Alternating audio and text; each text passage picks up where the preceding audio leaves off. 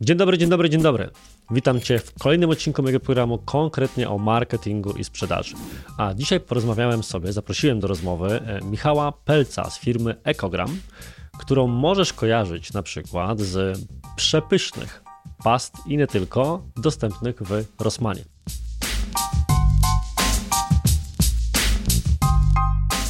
O czym rozmawiamy z Michałem? Rozmawiamy o tym, w jaki sposób buduje się markę sklepu w tak specyficznej niszowej kategorii, jaką jest żywność ekologiczna. Rozmawiamy o tym, czym w zasadzie różni się żywność ekologiczna od zdrowej żywności.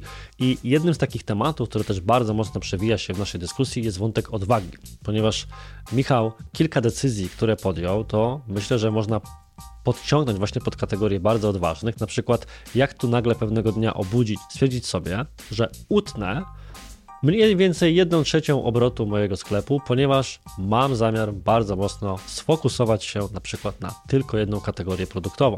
Albo w jaki sposób jedna wizyta na targach pomogła pojawić się w dużej sieci sklepów ze swoją dystrybucją produktów. Jeżeli więc chcesz jak od Allegro rozpocząć budowę swojego własnego sklepu internetowego, jak budować markę i dystrybucję właśnie w takiej niszowej kategorii i interesują Cię różnego rodzaju ciekawostki właśnie związane z rozwojem marki e-commerce'owej, to zapraszam Cię do tej rozmowy. Zaczynajmy. Powiedz proszę na sam początek wszystkim naszym tutaj milionom słuchaczy przed telewizorami, odbiornikami, urządzeniami, smartfonami, e, kim jesteś, czym się zajmujesz, czym się zajmuje Twoja firma, czym się zajmujesz Ty. Nazywam się Michał Pelc, prowadzę firmę Ekogram, specjalizujemy się w produkcji ekologicznych maseł orzechowych, i to jest taki nasz core naszego biznesu. Mamy dość szeroką dystrybucję, nasze produkty są dostępne w naszym sklepie online na ekogram.pl. Zaopatrujemy też wszystkie sklepy Rossmann, największe sklepy Carrefour, Auchan i jeszcze takie inne mniejsze sieci, także nasze produkty są można powiedzieć na wyciągnięcie ręki twojej, mojej i naszych słuchaczy. I zdecydowanie zbyt często po nie sięgam, do czego jeszcze będę dzisiaj wielokrotnie, wielokrotnie nawiązywał. Czy możesz powiedzieć coś dla osoby, która być może nawet kojarzy spółki, że a faktycznie Ekogram, Ring and the Bell, jak to mówią. Jaka jest skala waszego biznesu? Tak gdybyśmy jakieś liczby mieli podać, jeżeli oczywiście jesteś gotów je podać. Podejrzewam, że mamy koło, jeżeli rynek ekologiczny w Polsce jest dość mały, ogólnie taki certyfikowany produkt ekologiczny to jest około 0,5% rynku spożywczego, także to jest, mimo że wszystkim, wszystkim nam się wydaje, że to jest dość szeroka kategoria, każdy kojarzy tą żywność ekologiczną. 0,5%? 0,5%, tak. Tylko. To jest bardzo mało tak naprawdę, chociaż wszędzie jesteśmy, może, może nie wszędzie, ale jesteśmy bombardowani tymi informacjami, że tutaj taki produkt ekologiczny, tutaj, tutaj jakieś billboardy są, że nie wiem, w Biedronce, w Lidlu są produkty ekologiczne, a wbrew pozorom, jeżeli chodzi o wolumen, to jest około 0,5% wartości rynku, także to jest, można powiedzieć, mimo że to jest teraz popularne, to jest dalej nisza w niszy. Kiedyś jak zaczynałem 10 lat temu, to była kompletna nisza, a teraz dalej to jest no, 0,5% z rynku spożywczego i my tego rynku obsługujemy około 3%. To jest nasz udział jakby w tej kategorii. 3% z 0,5%. Tak. Czyli jest jeszcze potencjał na wzrost bardzo duży. Jakaś średnia europejska, jeżeli znasz, tudzież w innych krajach na przykład, to jest może liderem, a kto, wiesz, czy Właśnie, jest ktoś gorszy niż Polska, jeżeli chodzi o udział? Yy, ostatnio nawet pisałem o tym prasę, bo skończyłem niedawno studia podyplomowe z, z rolnictwa ekologicznego i pisałem właśnie prasę podyplomową o rynku żywności ekologicznej w Europie. Yy, Polska jest, no jesteśmy na końcu. Taka śmieszna anegdota jest, że prawdopodobnie Polak wydaje więcej na fajerwerki niż na żywność ekologiczną, także możesz już mieć taką skalę. Ja na fajerwerki prawdopodobnie od 30 lat nie wydałem złotówki. Nigdy nie kupiłem nic poza zimnymi ogniami. Mm, Okej, okay. to podejrzewam, że to podchodzi też pod fajerwerki. Yy, średnia, nie chcę skłamać, ale to nie już jest 6 euro rocznie, że wydaje Polak, to jest dość mało, a podejrzewam, że taki w stosunku chociażby do Niemiec, którzy są liderem w Europie, mamy taką szansę na dziesięciokrotny nawet wzrost tej kategorii. Także z tego pół procenta polskiego podejrzewam, że do 10% nawet są kraje typu jakieś skandynawskie, czy podejrzewam, że Szwajcaria, że jednak tam jest taki udział. I w jaki sposób też to zostanie, podejrzewam, wymuszone, bo są też plany takie, żeby jednak zmusić nas do jedzenia żywności ekologicznej e, w ten sposób, że pewien procent upraw ekologicznych, w, znaczy w każdym kraju będzie musiał być pewien areał y, upraw ekologicznych. Czy te słynne jedzenie robaków, o których mówi się teraz tyle w mediach, też podpada pod kategorię żywności ekologicznej, czyli te pół procenta w Polsce, o której mówisz? Podejrzewam, że te robaki nie są ekologiczne. Nie mam jeszcze wiedzy, chociaż jadłem z jeszcze takie nielegalne robaki jak były, bo to jeszcze było x lat temu nielegalne. Podejrzewam, że 5 lat temu jadłem na, targi, na targach ekologicznych we Fra e, francuskie robaki i wtedy jeszcze było nielegalne. Jakby to nie było dopuszczone w Europie, na pewno w Polsce, jako żywność i tego nie można było, nie można było sprzedawać takiej żywności. Smakuje dość ciekawie. Tak Właśnie chciałem spytać, jak to smakuje? Podejrzewam, że dużo lepiej smakuje, jak się nie wie, co się je. Jeżeli byś po trzech piwach jadł jakąś przekąskę na imprezie, to podejrzewam, że nie robiłoby ci różnicy. Porównałbyś coś do czego? To jest, wiem, że wątek jest totalnie obok, ale do czego byś to porównał? Bo nieraz ludzie mówią na przykład, że jedzą coś i smakuje im jak kurczak, nie? I okej, okay, dobra, okej. Okay. A robak jak? Te, co ja jadłem, jak kojarzysz, takie są, nie wiem, party mix, coś takiego na imprezę, taki otwierana paczka, tam jest 10 rodzajów jakichś chrupek. Podejrzewam, że któreś z nich smakują bardzo podobnie. Jest to dość chrupkie, wysuszone. Takie ciasto bym porównał jak, jakieś... Czyli generalnie jak tam zrobisz panierką, to za schabowego ujdzie. Ale nie, nie, kompletnie bym tego nie porównał z mięsem, także bardziej jako taka, taki snack... Yy Okej, okay, pomyślałem, że powiesz na przykład, że wiesz, że lepsze niż takie klasyczne kotleciki sojowe sprzed 10 lat, co kiedyś było chyba jedyną możliwą opcją zjedzenia czegoś zdrowego w polskim markecie, że tak jak, jak ja kojarzę, bo też od tego powiedziałeś właśnie, że 10 lat temu, kiedy wy zaczynaliście, było inaczej. I ostatnio miałem okazję słuchać, zdaje się, materiału Pulsu Biznesu na ten temat. I oni właśnie mówili, że sam początek żywności ekologicznej w Polsce to jedyne, co mogłeś kupić, to były te takie mrożone kotlety sojowe, które smakowały jak guma, to akurat mogę porównać, bo jadłem. Czy gumy nie jadłem, takiej wiesz, ale jadłem, jadłem te kotlety i wyobrażam sobie, że tak właśnie smakuje guma. Więc to mnie prowadzi do wątku, skąd pomysł, żeby rozwijać biznes akurat w segmencie żywności ekologicznej 10 lat temu, która jako kategoria jeszcze w ogóle u nas nie występowała, a dziś jesteśmy dalej ogonem Europy. Zaczęło się to tak naprawdę w Stanach. Byłem na takiej wymianie studenckiej i 13 lat temu podejrzewam. Pracowałem w markecie spożywczym, tam wykładałem towar na półki, taką miałem klasyczną pracę marketową i tam trafiłem na produkt opisany wtedy organik. Nie wiedziałem kompletnie co to jest, nie wiedziałem czym to się różni. Widziałem tylko, że jest x razy droższy, nie jest na moją studencką kieszeń, że mnie na niego nie stać. Tyle o tym wiedziałem yy, i podejrzewałem, że to jest jakiś marketing, że to jest jakiś sposób, żeby sprzedać coś drożej. Yy, jakoś nie chciało mi się w to wierzyć. Spróbowałem, miałem akurat okazję taką, że trafiłem na partię produktów przeterminowanych, które miałem wyrzucić. No nie powinienem tego zrobić, ale zamiast wyrzucić to spróbowałem. I, Słusznie. I zorientowałem się, że to smakuje zupełnie inaczej niż ta najtańsza taka żywność, którą jadłem na moją ale studencką co to kieszeń. Było? To była właśnie jakaś To była jakaś gotowa czy? sałatka z tego, co kojarzę. Podejrzewam, że z tuńczykiem były takie gotowe sałatki i to była taka sałatka na 99% właśnie to była taka sałatka z tuńczykiem, z tego co pamiętam. Okej, okay, no ale to muszę podrążyć, bo od bycia studentem wykładającym tuńczyka i nielegalnie jedzącym przeterminowany produkt do człowieka produkującego przepyszne, to zaświadczam swoim codzienną dietą, pasty ekologiczne, jednak z daktyli, orzechów i tak dalej. To jest takie długa droga i teraz chciałbym troszkę jakieś poszczególne etapy na tej drodze podrążyć. Więc jak to było? Pierwszy etap w ogóle poznałem tą kategorię. Wtedy trafiłem pierwszy raz na produkt organik. E, potem wróciłem z tego wyjazdu i tak troszeczkę mi się spodobała taka samodzielność, mieszkanie samemu, zarabianie i postanowiłem otworzyć własny biznes. A jedyne, z czym miałem do czynienia wcześniej, to była sprzedaż przez internet. Jako nastolatek dorabiałem sobie tam sprzedając jakieś stare książki, różne takie używane rzeczy na Allegro i miałem, można powiedzieć, wtedy mi się wydawało doświadczenie sprzedaży online. W pewien sposób połączyłem te kropki. Jest yy, jakaś kategoria, którą chciałbym, która mi się podoba. Też w Stanach też dużo przytyłem, jedząc to kiepskie jedzenie. Yy, i, I, tak to w sumie się zaczęło, tak? Okej, okay, natomiast wiesz, no myślę, że osoba, która otwiera e, nowy biznes, to jednak nie od razu wejdzie w kategorię produkcji czegoś. Więc jak to wyglądało? Czy samym początkiem ekogramu było od razu produkowanie własnych rzeczy, czy coś innego? Pierwszy bardzo krótki etap to była sprzedaż produktów. Czyli coś kupowaliśmy w hurtowni, importowaliśmy z Czech, z Niemiec takie gotowe opakowania pewnych produktów. To trwało bardzo krótko, podejrzewam z rok, dwa, chociaż no, znaczy nie, nie wiem, czy jest też krótko, tak?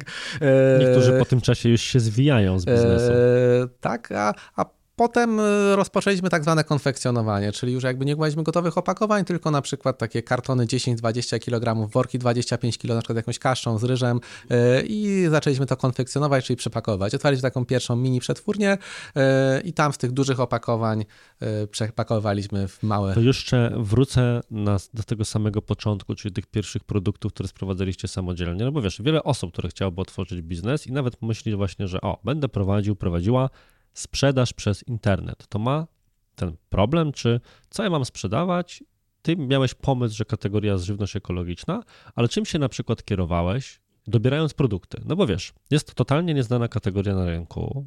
W zasadzie nie możesz sobie pójść do, nie wiem, Tesco, czy wtedy jeszcze chyba był Leader Price, nie? To 10 lat temu, coś takiego chyba jeszcze było i spojrzeć, aha, to mniej więcej tego jest dużo na półce, to może to się sprzedaje.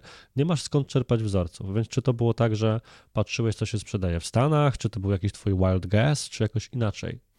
Y, najważniejsze dla mnie było to, że patrząc na moją doświadczenie, czego nie lubiłem w sprzedaży wcześniej, to było sprzedaż produktów sezonowych, czyli na przykład były jakieś rzeczy używane, czy coś takiego popularnego i ten produkt miał jakiś cykl życia. Była fajna sprzedaż, potem jej nie było i cały czas trzeba szukać nowych pozycji. I to mi się w tym biznesie nie podobało online'owym. Cały czas szukanie czegoś, co się sprzedaje, co jest na topie. I jeżeli poznałem tą żywność ekologiczną, to było dla mnie takie wow, to jest kategoria, która mi się podoba, interesuje mnie prywatnie i chcę w tym zostać i to mi dało taki spokój, że ja nie będę szukać czegoś ciągle nowego do sprzedaży, tylko chcę mieć tą kategorię, w której się będę specjalizować, wchodzić w nią głębiej i to mi dało takie y, poczucie, nie wiem, bezpieczeństwa, czy takie poczucie pewności, że wreszcie mam coś, co chcę robić i że nie muszę tego szukać dookoła, tylko jest taki core, wokół którego będziemy się kręcić. I, I co było tym pierwszym produktem, który e, sprzedawałeś? Tym pierwszym produktem była guarana tak naprawdę. To jest produkt dość niszowy, czyli to jest takie naturalne źródło kofeiny, to jest proszek, który zamiast kawy można dodać do jakiegoś napoju, ale to jest dość ciężki produkt, bo ten proszek się nie rozpuszcza w wodzie, więc zostaje taka zawiesina. To jest dość bym powiedział, trudny produkt do sprzedaży, ale od tego zaczynaliśmy.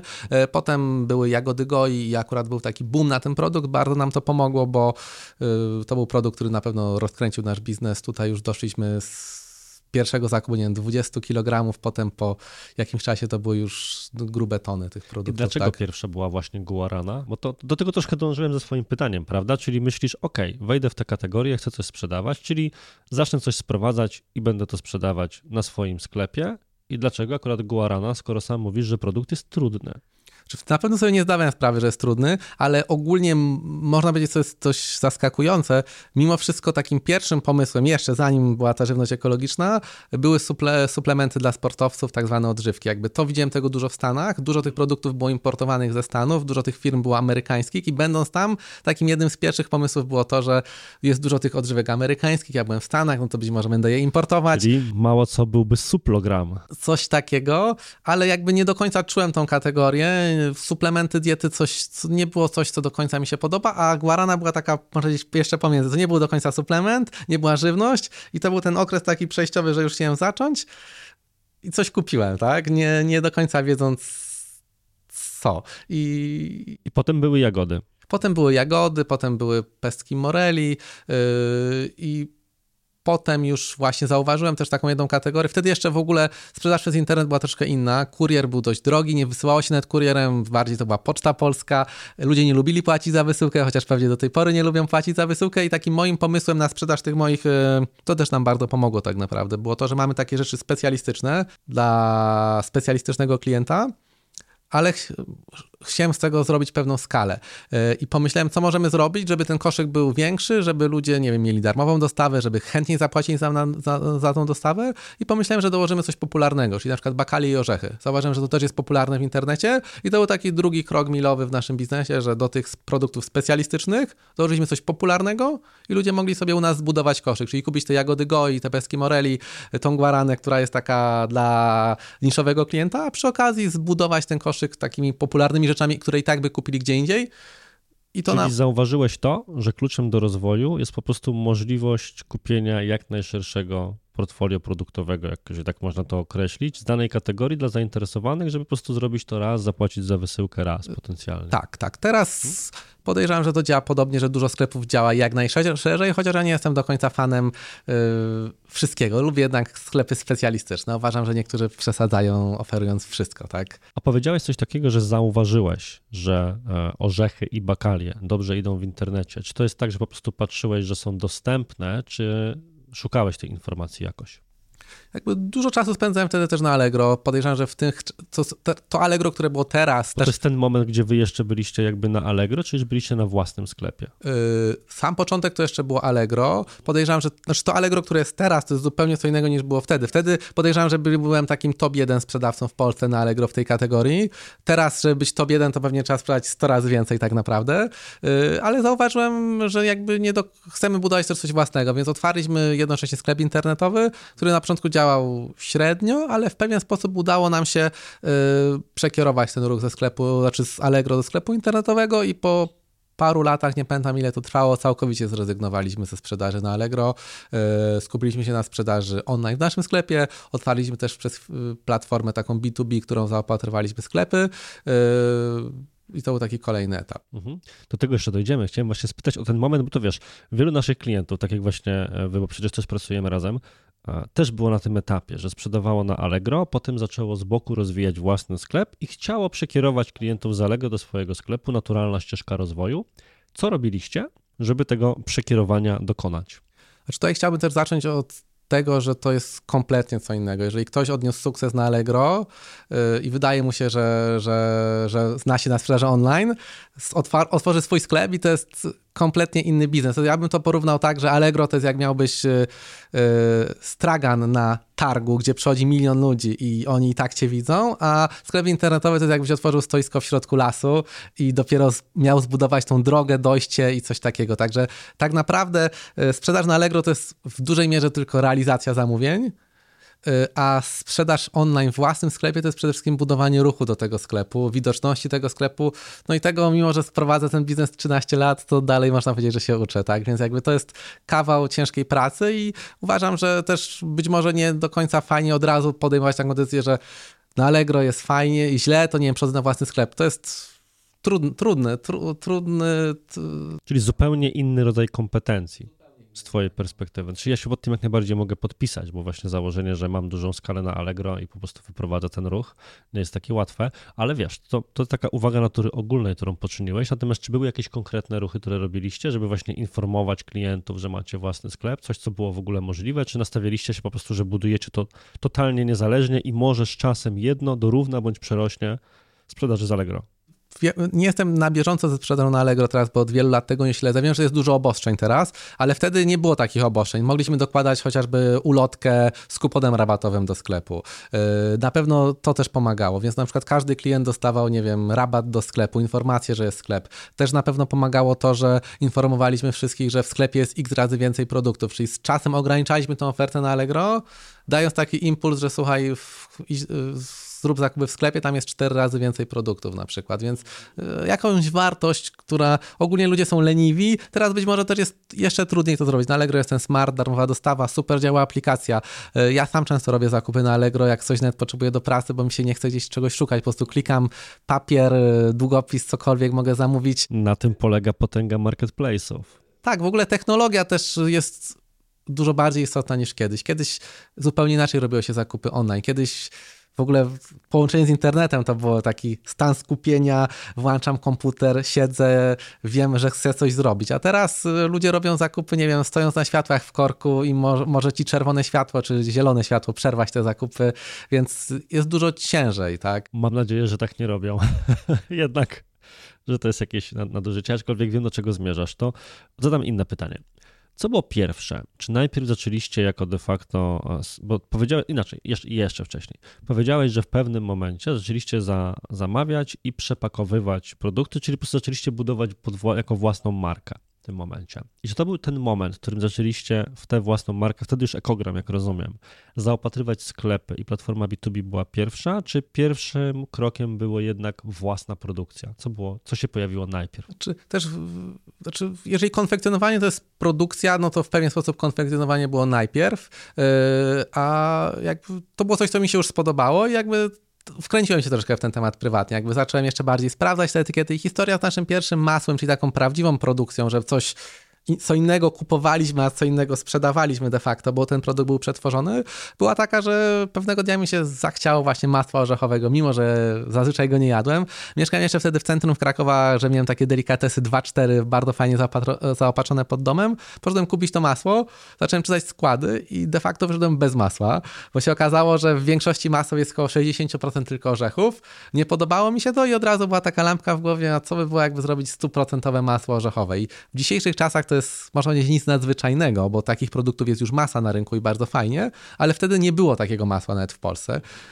I od razu wtedy było taki tryb, który najbardziej lubię, czyli YouTube, e, cała noc zarwana, jak gdzieś to tam robią w Indiach, e, na świecie. A to jest ciekawe, czyli jak chciałeś wejść w segment produkcyjny, to zacząłeś się uczyć, jak się za to zabrać z YouTube'a. Tak. Wtedy jak... z, z, od hinduskie, z, z hinduskiej Pro, Podejrzewam, że to były jakieś część chińsko-indyjskie, bardziej taka no, blisko, nie, to nie jest Bliski Wschód, bardziej az, azjatyckie kierunki, tak? I faktycznie były filmy, które tam, wiesz, uczyły na YouTubie, jak tego robić? Znaczy być może nie uczyły, ale były pokazane, były filmy, z których nic nie rozumiałem, bo były w jakimś azjatyckim języku, ale było widać, że gdzieś tam wsypują orzeszki, coś wypada, że da się coś takiego zrobić yy, i zacząłem szukać w ten sposób inspiracji, robić jakieś próby w domu, yy, konsultować się z sanepidem, czy można. Oni najpierw twierdzili, że w ogóle nie można czegoś takiego zrobić, że musi być masło czymś zakonserwowane. Nie do końca im się ten pomysł w ogóle podobał Aha, co naszej było produkcji. barierą, żeby, czyli co od strony technologiczno-organizacyjnej stawało na drodze powstania stuprocentowego masła z orzechów? Właśnie Moim zdaniem nic, ale jakby nie wiem, czemu nikt tego nie robił. Wszyscy twierdzili, że masło musi być zakonserwowane jakimś tłuszczem, z cukrem, że teoretycznie dużo osób twierdziło, że to się musi zepsuć, tak? Że nie da się zrobić tego bez konserwantów, że musi być to produkt taki mocno nabity tym tłuszczem, jakimiś stabilizatorami, żeby on się nie zepsuł, tak? A no jak widać w dzisiejszych czasach to jest już, można powiedzieć, taki I standard. I pierwsze pasty zrobiłeś, tudzież zrobiliście gdzie? Mieliśmy wtedy, przenieśliśmy się do większej siedziby już tam po chyba 3-4 latach. Mieliśmy taką już większą halę około 700 metrów i tam zrobiliśmy takie, takie pomieszczenie, można powiedzieć, do produkcji maseł. Kupiliśmy taki pierwszy młynek yy, i tam odpaliliśmy produkcję masła orzechowego. To było 10 lat temu około. Mhm. Do dzisiaj produkujecie, że tak powiem, w ten sam sposób u siebie? Mm, tak, tylko na większą skalę. Także sama technologia, że wtedy kupowaliśmy orzechy już wyprażone, czyli ten pierwszy etap produkcji, bo ogólnie masło orzechowe, produkcja zaczyna się od wypieczenia orzechów, potem się je mieli, a potem konfekcjonuje w słoiki. Wtedy zaczynaliśmy od tego, że kupowaliśmy wypieczone orzechy, mieliliśmy je i rozlewaliśmy słoiki, od tego zaczynaliśmy, a jakieś 3 lata temu spełniliśmy moje największe marzenie wieloletnie, czyli kup, kupno takiego gigantycznego piesa do orzechów, który ma chyba z 5 metrów yy, i tam te orzeszki już wypiekamy dokładnie tak jak chcemy, mamy jakby pełną kontrolę nad tą produkcją i jakby produkt od A do Z powstaje u nas. I to też chciałbym tutaj dodać, że to też nie jest standardem.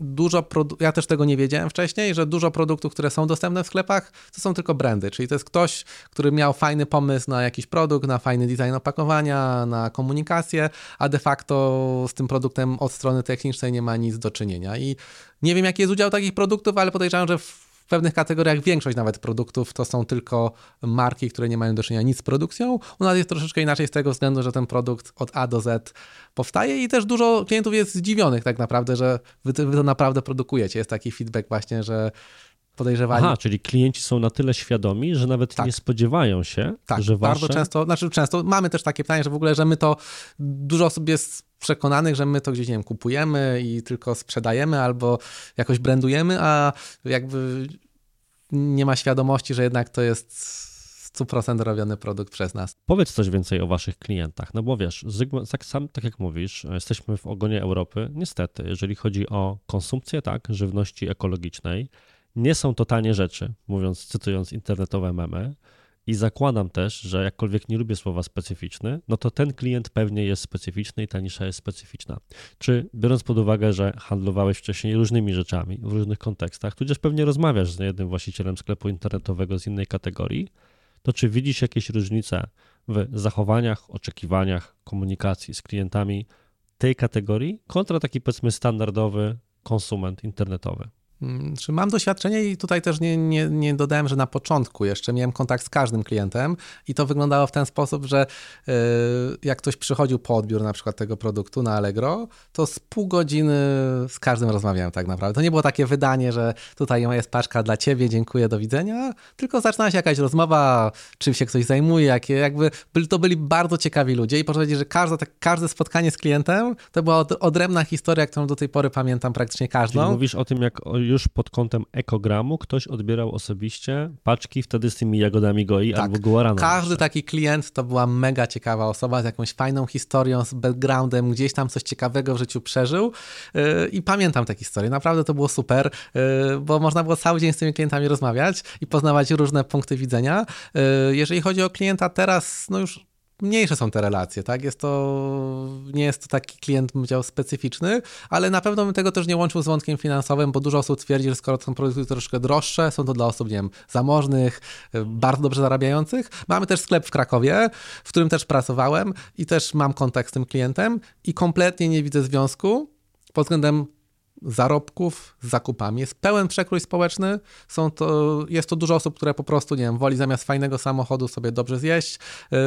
Nie widzę związku. To jest bardziej powiedział kwestia świadomości, że ktoś sobie zdaje sprawę z tego, że to, co jemy, ma wpływ na nasze życie i lepiej, no to jest taka inwestycja w siebie, tak? A jest też taka kategoria druga klienta, to jest yy, klient, który no, w pewien sposób musi, czyli na przykład osoby z jakimiś problemami zdrowotnymi, po jakichś chorobach, też są tacy klienci, ale jest też coraz więcej młodych ludzi, którzy po prostu dbają o siebie, to jest taka inwestycja, więc klient jest na pewno bardzo ciekawy, tak? A spotykaliście się na przykład z takimi zarzutami typu, że masło orzechowe za chyba okolice 30, jeżeli dobrze pamiętam, złotych, na głowę upadli, mogę sobie to kupić za 15 zł w Lidlu czy Biedronce.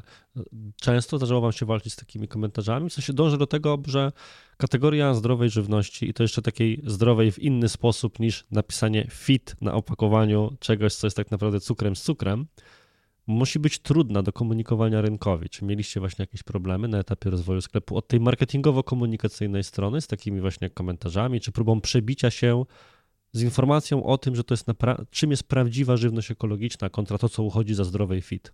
No tutaj też może najlepiej to opisze taka sytuacja ze sklepu, bo my kiedyś sprzedawaliśmy też żywność tak zwaną zdrową, bez certyfikatu.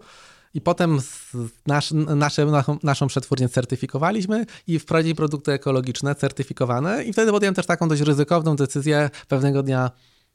Koniec. Sprzedajemy tylko tą żywność ekologiczną. Wycofaliśmy całą resztę. I to był taki duży. Co było takim triggerem, że tak stwierdziłeś? Już nie, nie, pamiętam, ale jakby to była z perspektywy czasu bardzo dobra decyzja, bo nam poz pozwoliło już wtedy zacząć budować sobie mm, rozpoznawalność w tej kategorii tego klienta zdobywać. Ale nagle było też trochę klientów, którzy, a czemu tego nie ma, kiedy to będzie z powrotem. I po jakimś czasie wprowadziliśmy te produkty na chwilę z powrotem.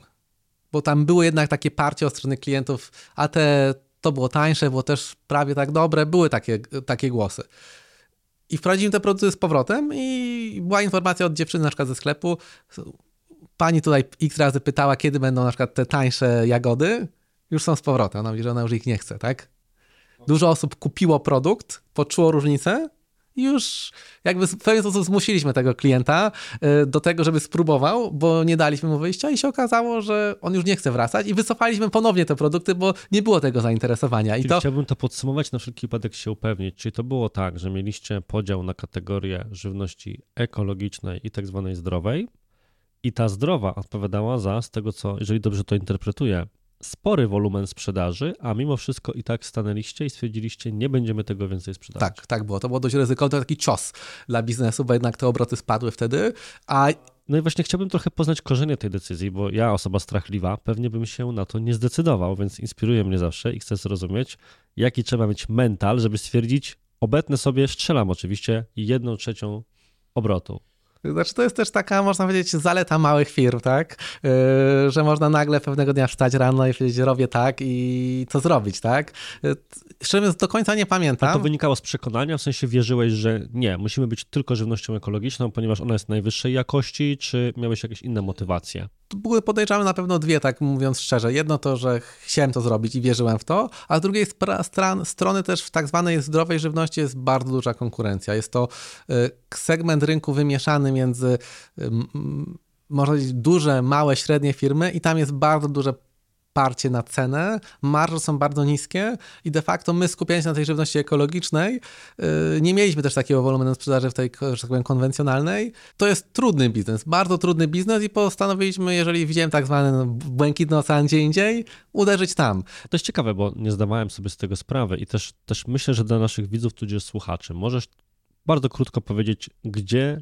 zasadniczo jest różnica między żywnością zdrową a ekologiczną, bo myślę, że to też musiało być i pewnie do dzisiaj po części jest pewnym wyzwaniem marketingowym dla Was, żeby ludzie, którzy pewnie używają wymiennie tych pojęć, też to tłumaczyć. To jest, można powiedzieć, w Polsce żywność ekologiczna i zdrowa żywność to jest, można powiedzieć, synonim. synonim. Dla wielu osób jest to to samo i to jest y, dość trudne w komunikacji, bo tak naprawdę y, to się w pewien sposób roz, rozumie. Certyfikowana żywność ekologiczna jest to produkt rolnictwa ekologicznego. Jest to produkt, który powstał w takich, można powiedzieć, naturalnych warunkach, czyli bez użycia sztucznych nawozów, sztucznych środków ochrony roślin, bez tych wszystkich oprysków, pestycydów. Jest to bardzo trudne i mało wydajne rolnictwo. E, tak naprawdę dzisiejsze rolnictwo to jest, można powiedzieć, przemysł i tam się liczy wydajność, żeby tego produktu było jak najwięcej, jak najmniejsze straty.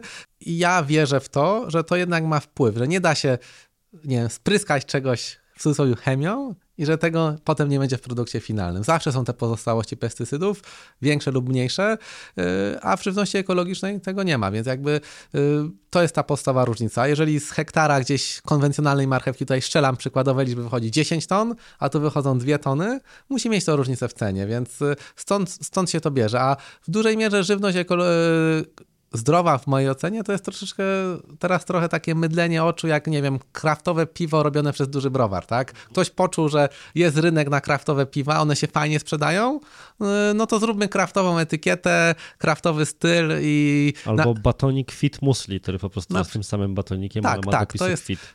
Jakby to już troszeczkę się rozmywa i też ciężko bardzo często w mojej ocenie ta żywność zdrowa to jest troszeczkę takie, bym powiedział, naciąganie. To jest, jeżeli dużo osób uważa, żywność ekologiczna to jest naciąganie, to ja uważam, że jeszcze większe to jest zdrowa żywność, bo to jest po prostu często sposób na sprzedaży tego samego, co jest w sklepie, tylko nie wiem, w szarym papierowym opakowaniu i za cenę dużo, dużo wyższą, tak? A chciałem jeszcze wrócić do tego właśnie, no bo wasza, były takie dwie kluczowe decyzje, jak powiedziałeś, czyli pierwsza to było właśnie skupienie się wyłącznie na kategorii żywności ekologicznej, żeby już być ścisłym w tym nazewnictwie, a drugą kluczową decyzją było otwarcie platformy sprzedaży B2B i w ogóle wyjście jako dostawca dla sklepów Skąd taki pomysł, jak to wyglądało? Ja bym nie, nie nazwałbym tej, tej platformy B2B taką kluczową decyzją. To jest też decyzja, której po czasie się wycofaliśmy, bo też rynek sklepów ekologicznych w Polsce też się diametralnie zmienił. Też sklepy, niestety dużo sklepów poszło, że tak powiem, z,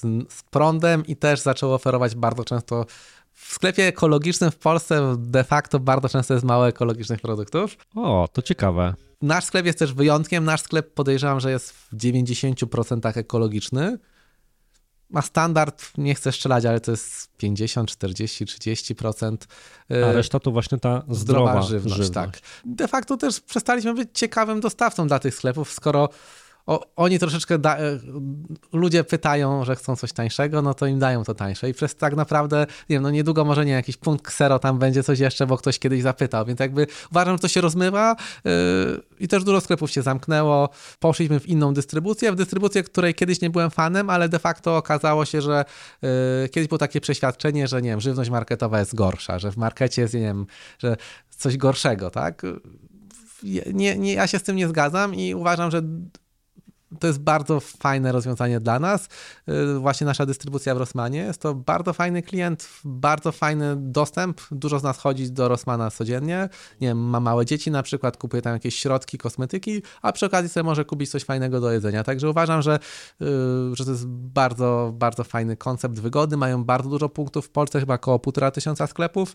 I to była, jeżeli coś miałbym nazwać takim punktem przełomowym w naszym biznesie, to na pewno nie było to otwarcie platformy B2B, tylko zmiana takiego mindsetu, że markety to nie jest coś złego. A wiesz co, trochę do tego dążyłem właśnie, no bo jednak wiesz, zaczęliście, ok, to nie będziemy tylko sprzedawać sami, zaczniemy zaopatrywać innych i okazało się, że na tym się po części sparzyliście i to pomogło ci zmienić myślenie i przejść do wniosku, dobra, to może dystrybucja w tym zwykłym sklepie, a nie specjalistycznym. Jednak. Znaczy, ja się bardzo rozczarowałem tym. Ja, ja chciałem kiedyś, byłem takim idealistą, zaopatrywać tylko fajne, ekologiczne sklepy prowadzone przez fajnych ludzi, które mają fajne produkty ale de facto okazało się, że takiego rynku praktycznie nie ma, tak? Że oczywiście pewnie są jakieś takie sklepy i bardzo im kibicuję, ale de facto nie ma ich na tyle, e, żeby było sens, sens się tym zajmować, że to, to jest znikoma dystrybucja, więc jakby to też jakby realia niestety pokazały, że to jest bardzo, bardzo mały rynek i takich sklepów fajnych jest mało, więc nie mieliśmy de facto kogo zaopatrywać, tak? Jakie warunki musieliście spełnić, jeżeli możesz oczywiście powiedzieć, żeby w ogóle e, móc wystartować z dystrybucją w Rossmanie? E, bardzo nam też to pomogło to, że to była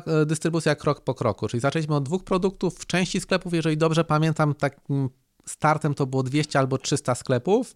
Yy, tutaj mieliśmy też bardzo fajny odzew od naszych klientów.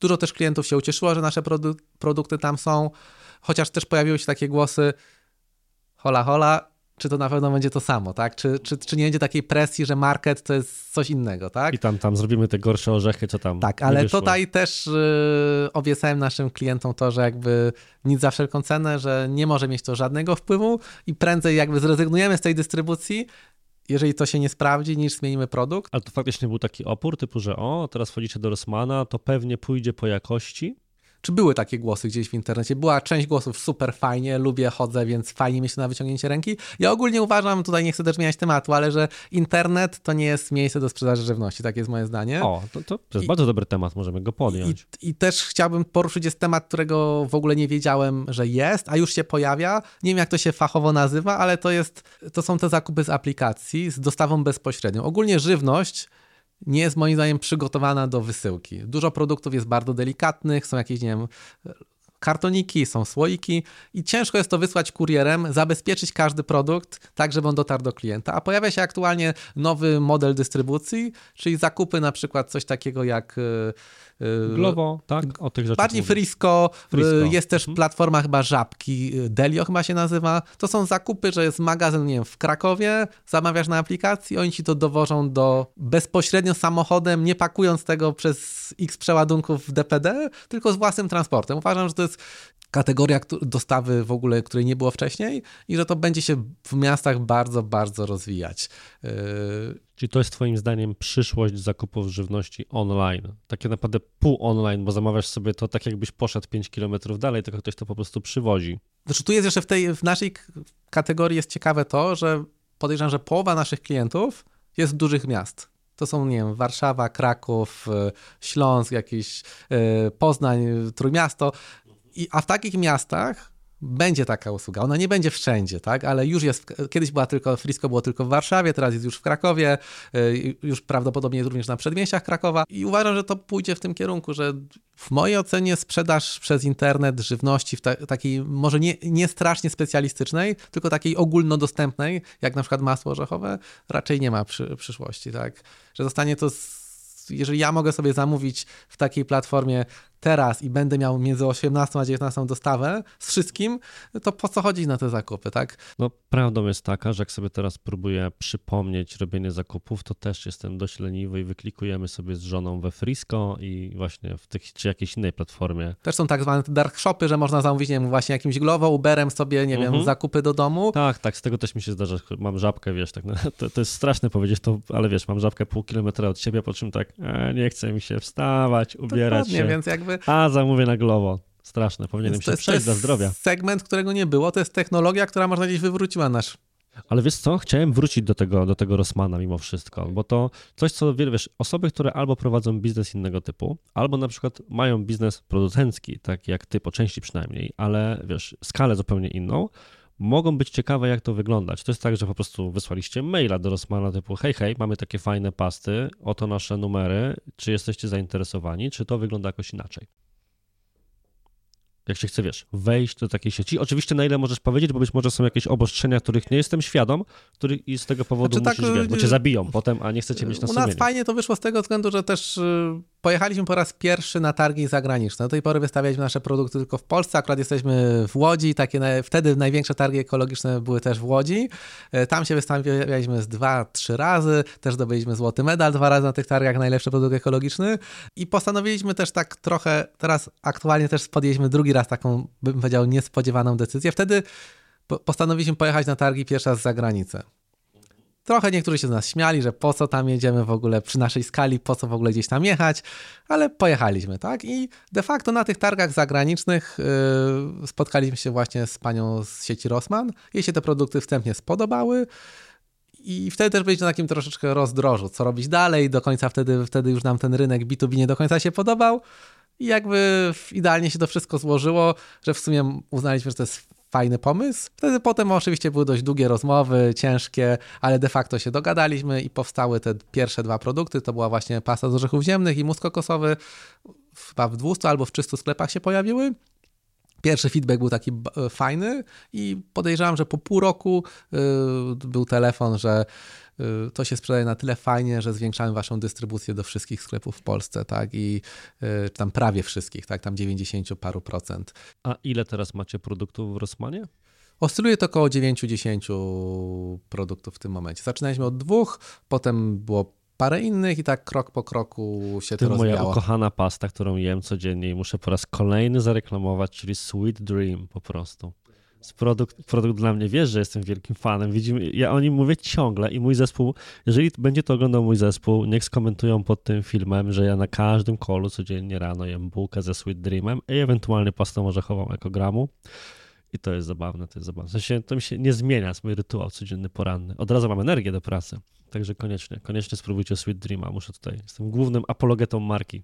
Tu może też dodać, że to na pewno nam bardzo pomogło, bo jednak w produkcji też liczy się skala, tak? Jeżeli czegoś zamawia się więcej, możemy też tego przetwarzać więcej, mamy też lepszą cenę zakupu, mamy też wydajniejszy proces produkcji, bo na przykład nie produkujemy masła godzinę, a potem 5 godzin myjemy wszystko, tylko na przykład możemy robić to przez cały dzień, tak? Więc jakby to skala w produkcji też jest bardzo istotna i to był dla nas taki krok, żeby przenieść nasz biznes na wyższy level, tak? Czy zauważyłeś na przykład coś takiego, że od momentu, w którym pojawiliście się faktycznie w tych 90% Rossmanów w Polsce, sprzedaż online'owa też jakoś mocno wzrosła? Próbuję powiązać na przykład, czy sama obecność na półkach przełożyła się mocno na wyszukiwalność produktu, rozpoznawalność marki, a co za tym idzie po prostu na czysty pieniądz na koniec dnia liczbę zamówień w sklepie.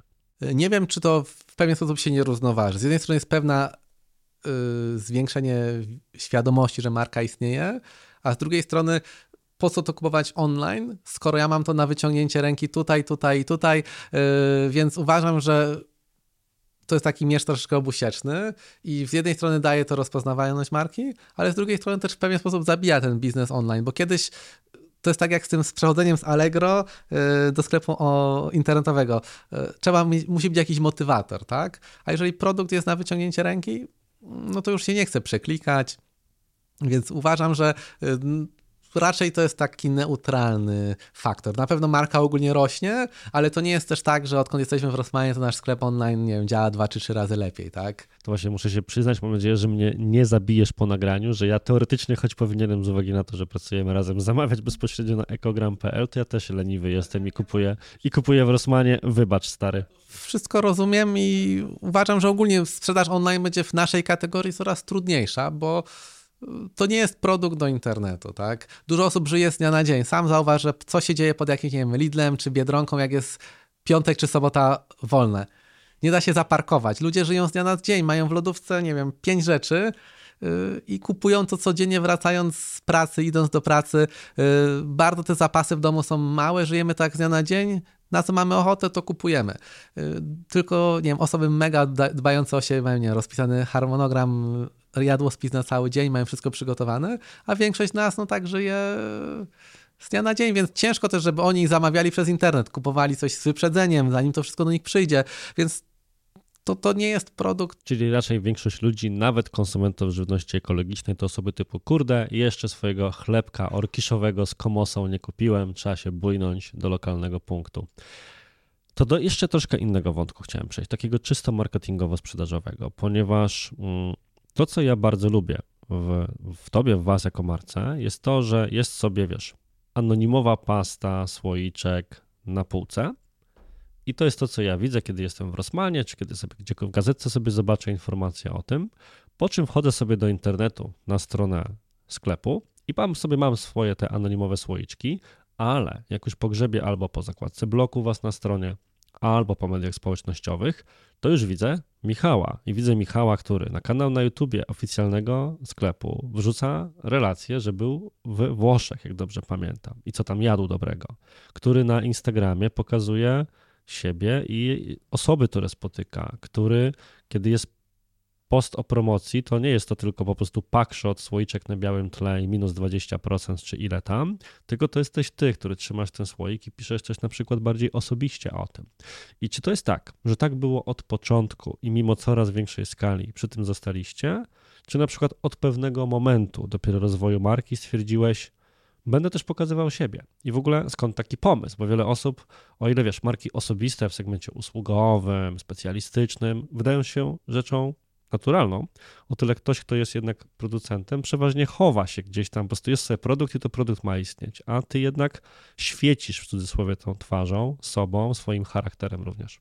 Yy, znaczy, na pewno się to zmieniało. Kiedyś nasze social media były oparte tylko o produkty. Ja sam nie miałem social mediów prywatnych, jakby, jakby chroniłem w pewien sposób swój wizerunek, nie odczuwałem potrzeby dzielenia się tym, co u mnie słychać. Yy, a w pewien w pewien sposób zauważyłem z czasem też, że to jest pewien, w pewien sposób coś autentycznego, yy, że nie ma nic złego w tym pokazaniu się w internecie. Tak naprawdę nie było kogo pokazać, yy, zostałem tylko ja, nikt inny tego nie chciał zrobić i jakby tak powstały pierwsze filmy, takie mega jakieś amatorskie produkcje już tak zostało. To nie było w pewien sposób coś przemyślanego.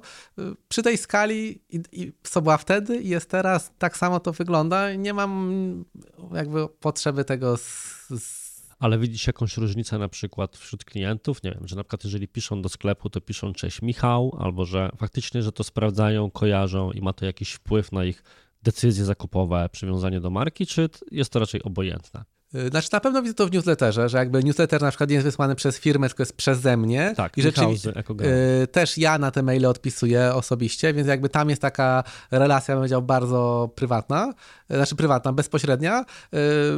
Jest, uważam, że ma to zalety na pewno ale to też jest problem, podejrzewam, w pewien sposób w skalowaniu biznesu. Nie do, końca, nie do końca w naszym biznesie, ale na przykład nie wiem, w branży bardziej usługowej jest to też problem, że jeżeli uważam, że jest taka bardziej marka osobista, to potem pojawia się taki problem, że wszyscy jednak są z tą konkretną osobą. Czyli na przykład jak u was jest y, agencja, jest Digitalk, to jednak to w pewien sposób na początku było oparte, ja na przykład tak się poznałem jako Artur, tak, y, gdzieś trafiłem na informację, że jest taki facet, który się specjalizuje w, Facebooku, w reklamach na Facebooku trafiłem na twojego bloga, byłem na jakimś szkoleniu w Warszawie, pamiętam.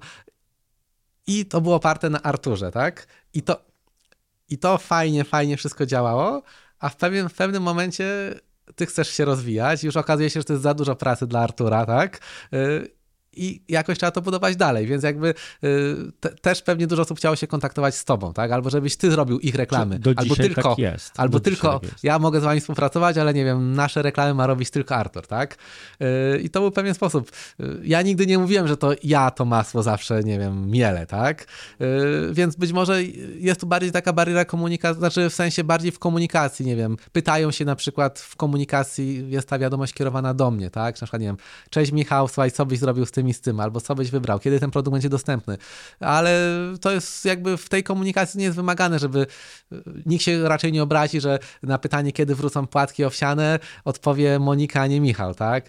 Więc jakby Aha, to jest ciekawe, czyli ty uważasz, że to jest mimo wszystko łatwiejsze, ponieważ jest to proces produkcyjny jest oderwany od człowieka, dostawcą usługi może być człowiek, czyli... Czy tak mi się e, wydaje, chociaż na przykład komunikacja w social mediach jest bardziej taka, e, bardziej często skierowana do mnie, czyli na przykład piszą, słuchaj, e, są przekonani i co też jest faktem, bo akurat w social mediach ja odpisuję, więc że, że to będę ja i to jestem ja, tak?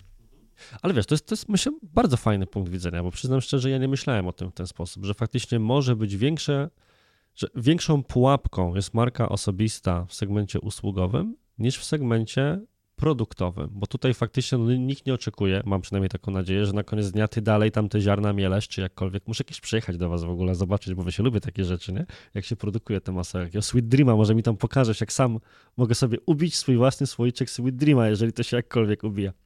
To wiesz, to, to wtedy nikt nie będzie tego oczekiwał, więc wbrew pozorom bezpieczniejsze nawet jest, jeżeli ktoś jest producentem czegoś, a chciałby skorzystać z tych dobrodziejstw, czy powiedzmy pewnego boostera rozpoznawalności, którą daje pokazywanie siebie, swojej twarzy, historii za sobą stojącej, charakteru w marce, niż w momencie, w którym mamy biznes jednak usługowy.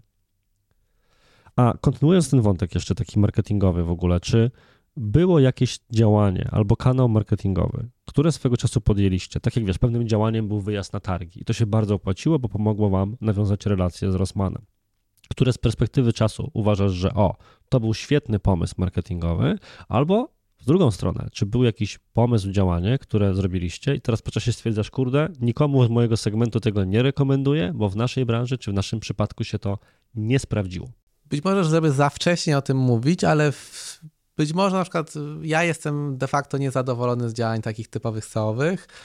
Y, kiedyś to był taki element, który uważam, że jest istotny, ale w pewien sposób ograniczyliśmy te, te, te działania i widzę znaczący, znaczy znaczący, w pewien sposób spadek ruchu, ale nie widzę, ale widzę drastyczny wzrost konwersji. Uważam, że działania SEO-owe w pewien sposób przynosiły nam masę nic nie przynoszącego ruchu i to był taki, no, może nie taki śmieciowy ruch tak naprawdę, tak? Było tych wejść dużo więcej na stronę, ale zamówień wcale nie było więcej, ten poziom konwersji był dość niski w pewien sposób i uważam, że w przypadku produktów ekologicznych to się bardzo często nie sprawdza, bo jeżeli ktoś szuka, nie wiem, orzechów w internecie, to on bardzo często szuka tych najtańszych orzechów, a nie ekologicznych, a jeżeli szuka ekologicznych, to i tak do, doprecyzuje swoje zapytanie, że i tak trafi na te ekologiczne, być może z dużo słabszym zapleczem SEO. Także uważam, że działania SEOwe w naszej branży być może się nie sprawdzają. A to jest fajny insight, próbuję go jakoś sparafrazować, czyli e, o ile, wiesz, uważam SEO sklepów internetowych za bardzo ważny kanał dostarczający ruch, ale faktycznie w kontekście kategorii takiej jak wasza, jeżeli ja wiem, czego szukam, to i tak na Was w tym momencie mogę trafić, bo doprecyzuję te zapytanie i pewnie będę nawet jakoś świadomy tego i po prostu wyskoczy mi ta karta produktu orzechów ekologicznych na ekogramie i pięciu innych konkurentach, którzy tam gdzieś pewnie się kryją, a niekoniecznie trzeba się nastawiać na generowanie szerokiego ruchu na stronie poprzez jakieś artykuły. Wróciłbym do rzeczy. tego, co powiedziałem na początku. Jeżeli mamy pół procent rynku spożywczego w Polsce, tak, to ogólnie można to po, przypiąć do dowolnego zapytania produktowego. Jeżeli tylko pół procent ludzi je orzechy ekologiczne, a my będziemy robić działania SEO na orzechy, no to 99,5% de facto z góry nam odcina się, tak? Więc, więc jeżeli to tak działa, to działania SEO są dość trudne. to powiedział. jest to bardziej kwestią strategii przyjętej przez SEO w tym momencie. To bardziej powiedziałbym w ten sposób, że właśnie każda osoba, która prowadzi sklep internetowy i działania SEO do tego sklepu, niech się bardzo mocno przyjmie, przyjrzy temu, jak one są prowadzone. To podam Ci na innym przykładzie, wiesz, że e, my na przykład często pracujemy, no bo wiesz, tak jak pracujemy razem, to wiesz, połowa naszego, e, naszego portfolio klientów to są e-commerce i potem część usługowych biznesów, a połowa to B2B. I to, co ty mówisz, jest dla mnie bardzo bliskie z na przykład podejściem do robienia SEO w B2B. Bo potem masz na przykład firmę, która zajmuje się produkcją, dajmy na to śrubek, i trafia pod skrzydła firmy zajmującej się SEO, i firma SEO produkuje jej artykuły typu jak tę śrubkę wkręcić, upraszczając sprawę maksymalnie, żeby nie podawać jakiegoś konkretnego klienta, co generuje dużo ruchu, bo dużo ludzi takich rzeczy słucha, ale to nie są totalnie osoby zainteresowane czymś takim. Znaczy to jest przede wszystkim e, pytanie, na czym nam zależy, bo każdy ma jakiś swój faktor, który chce obronić i, i, i na przykład ktoś, kto robi SEO, chce ruchu. I on, on mówi, słuchaj, ja jestem fajny, bo ja zrobiłem dużo ruchu, tak? Ale de facto chodzi bardzo często o tą sprzedaż, tak? I co nam z tego pustego ruchu? Być może można ten ruch potem jakoś dopalać jakimś, nie wiem, remarketingiem na Facebooku i tym podobnie. Można coś z tym robić, tak? Ale yy, de facto to jest, yy, być może nawet jest dla algorytmu to jest trudniejsze, bo ma zbyt dużo tych ludzi, takich nie do końca stargetowanych, także U nas się to akurat y, nie sprawdziło. Myślę, że wiązek, wątek dobrej strategii, tak? No bo o ile na przykład rozumiem, wiesz, że, no bo to jest fajne, zobacz, macie na przykład przepisy, nie? Czyli robisz sobie to fucznicę i jest na waszej stronie przepis na to fucznicę. Nie pamiętam, ile ten przepis konkretnie generuje ruchu, załóżmy, że ileś tam generuje, niech to będzie, że parę tysięcy. I teraz się pojawia problem, tak? Czy fakt, że ludzie szukają przepisu na to fucznicę, czyli zakładamy, że są to osoby bardziej dbające o swoje zdrowie, przełoży się albo bezpośrednio od razu, bo ktoś zobaczy, o, nie znam tej marki, o, jaka fajna pasta kupię, tudzież pośrednio po jakimś czasie typu złapiesz go w remarketingu na tę sprzedaż. Więc na pewno to się da wykazać i sprawdzić, więc to jest pierwsze, żeby to sprawdzić. A druga sprawa, może w takim razie w ogóle to przemyśleć i takie generowanie tylko ruchu przepisami okaże się niewłaściwe, nie? Więc a myślę, że to, bo nie chciałbym, żeby to teraz zabrzmiało jako rant na, na zajmowanie się SEO jako takim, znaczy, tylko że w żaden sposób, tego tylko podejść. żeby właśnie nie, nie skupia się na tych liczbach, tak? Jak, nie, tak jak nieistotna jest ilość obserwujących na Instagramie influencera, z którym współpracujemy, tak? Więc jakby tutaj mogę też podać kolejny przykład. Mieliśmy na przykład takie, e, bym chciał, przypadkowe współprace z, bym powiedział, z topowymi influencerami w Polsce, ale nie z naszej branży do końca. I to na przykład były jakieś tam, może być milionowe konta, dość duże, bym powiedział, jak na polskie warunki. I co zauważyliśmy? Pik wejść, na przykład x tysięcy wejść na stronę, a gdybym nie sprawdzał tych statystyk, bym nie wiedział, że ta współpraca w cudzysłowie istniała, tak? Bo po zamówieniach nie było widać nic. Więc jakby... Czyli nawet milionowe zasięgi na Instagramie nie przełożyły się Gdy... w ogóle na sprzedaż. W ogóle na sprzedaż się nie przełożyły. Widać było to ewidentnie w Analyticsie był taki pik, jakiego nie było nigdy. Ludzie wchodzili, ale nikt, znaczy być może ktoś kupił, ale nie było tego widać, żeby było zamówień więcej niż na co dzień. Więc to było w żaden sposób nieistotne, a pod względem yy, skali wejść na stronę ruchu była kosmiczna ilość. Także podejrzewam, że tak samo jak SEO, to też jednak duży ruch a duża sprzedaż to jest co innego. Tak samo tutaj, a mieliśmy na przykład małe konta, nie wiem, znaczy małe, to dla mnie to też nie jest małe konto, ale na przykład, nie wiem, 20, 30, 40 tysięcy, które potrafiły wygenerować na przykład parędziesiąt albo paręset nawet zamówień, tak? Więc jeżeli to jest targetowane, jest to na daną niszę, y, to, to może działać bardzo fajnie. To były konta konkretnie z segmentu żywności ekologicznej, czy bo to jest ciekawe, jak dobieraliście takie osoby do współpracy. To też było w pewien sposób przypadkowe, jakby to jedna i druga współpraca była przypadkowa, nie było to elementem jakiejś strategii yy, długofalowej, tak? Yy, u nas bardzo fajnie przede wszystkim działają współpracę wychodzące w naturalny sposób, czyli to nie jest tak, że ja się do kogoś odzywam, słuchaj, tutaj za ile, za, za, za, co, za ile zrobisz co, e, tylko na przykład jest to nasz klient, tak, który po prostu x lat kupuje, czy kupuje od jakiegoś czasu, a potem się okazuje, że on też coś robi w internecie w naturalny sposób i tak te produkty używa, pokazuje, jakaś ta współpraca się nawiązuje, także... A, a to ty się dowiaduje, że to jest klient, czy klient sam do ciebie pisze, że hej, ja tak w ogóle tutaj mam konto i może byśmy tu zrobili jakąś afiliację, czy... Bardzo często właśnie naturalnie to wychodzi przez newsletter, bo często też jest czytelnik naszego newslettera, też na przykład odpisuję na coś, y, ja gdzieś tam ko, ko, ko, dalej ciągnę tą korespondencję i to wychodzi w sposób naturalny. Także te, te najciekawsze współprace wyszły y, bardzo naturalnie, albo w taki sposób, że ktoś i tak pokazał nasze produkty i, i my się odzywaliśmy do niego później y, celu kontynuacji tego, więc wszystkie nasze takie najfajniejsze współprace influencerskie wyszły w pewien sposób w 100% naturalnie. To nie było e, coś takiego, że... Powiem Ci, że chciałbym podbić ten wątek właśnie, że bo na zasadzie, że właśnie dużo ludzi e, myśli wyłącznie zasięgami i cyframi, Czyli o, to jest duże konto i na pewno duże konto przełoży się na dużą sprzedaż, a ja właśnie jestem fanem takiego podejścia, że znajdź specjalistyczne społeczności w swojej niszy. One mogą być małe, ale to są wybitnie zaangażowani ludzie, bo łatwo jest być kolejną osobą, która zacznie śledzić kogoś, kto ma milion obserwujących i ta społeczność jest często rozmyta. Niektórzy uprawiają taki typowy hate watching, nie? czyli śledzę tego gościa, poczekam, aż się na ryj wypierdzieli. Nie? To tych, którzy tak mają. Jak w tym słynnym filmiku, nie? Zresztą, że czy często pan czyta książki? Polecam wygooglać pana Jana Rodzenia, czy jakkolwiek to wyglądało. No, powiem, puszczę ci potem. To jest naprawdę ciekawy filmik, czasami sobie go puszczam. Natomiast z drugiej strony możesz mieć właśnie małą, to chciałbym podbić to, co powiedziałeś, czyli kogoś śledzi kilku, 20, 30, czyli, czyli dolne, skale, dolne stany kilkudziesięciu tysięcy obserwujących i ta osoba może wygenerować setki tysiące zamówień. Znaczy, setki, nie mówię tysięcy, tysięcy nigdy nie było, ale po, do, do setek spokojnie dochodziliśmy. No to setki zamówień w jakiejś perspektywie, więc pewnie gdyby to była, wiesz, gdyby to teraz policzyć, gdybyście robili to regularnie na przykład, no to pewnie by się tam sumarycznie zebrało tych kilka tysięcy w tym momencie, nie? Więc to jest bardzo ciekawy wątek, czyli nie patrzymy na tę liczbę obserwujących i to ponownie mogę powiązać, wiesz, żeby tak skomentować z tym wątkiem SEO-owym, że jak sami jeszcze, bo teraz my się pozycjonowaniem naszych stron przykładowo zajmujemy też już sami i jak sam jeszcze dla siebie nawet szukałem e, do pozycjonowania ludzi, to właśnie to, co ty też powiedziałeś, czyli takie nastawienie, że ok, generowanie ruchu. I to się później skończyło planem SEO-owym, który dostałem, który tak naprawdę wygenerował mi na moją prywatną stronę dziesiątki tysięcy wejść, osób na hasła typu jak pobrać film z Facebooka albo kontakt z Facebookiem i do dzisiaj przez to telefonu nie mogę odbierać, bo ludzie dzwonią, żeby im konto odblokować, więc dramat.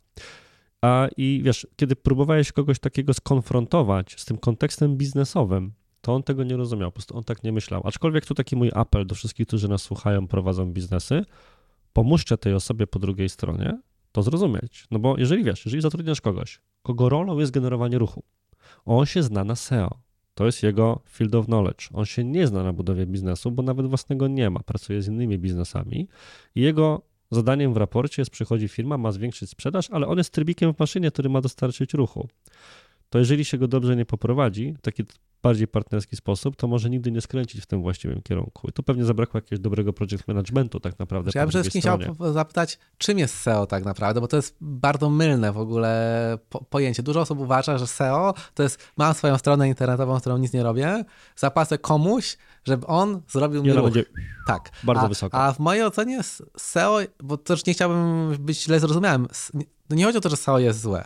SEO jest jak najbardziej w porządku, tylko w mojej ocenie SEO, które działa i SEO, które należy robić, to jest budowanie treści. Jeżeli chcesz mieć fajne, naturalne SEO, twórz bloga, twórz fajne wpisy i to jest naturalne SEO, które jak najbardziej warto robić, ale nie chodzi o to, żeby y, w jakiś sposób nienaturalnie budować tą widoczność w internecie. Bez tworzenia treści, bo ludziom się wydaje, że on nie musi nic zrobić, mam ten sklep, nie będę tworzyć nowych treści, a ktoś jakoś magicznie zrobi ten ruch na mojej stronie internetowej. Doda trzy słowa kluczowe na karcie produktu i będzie się sprzedawało jak dzikie.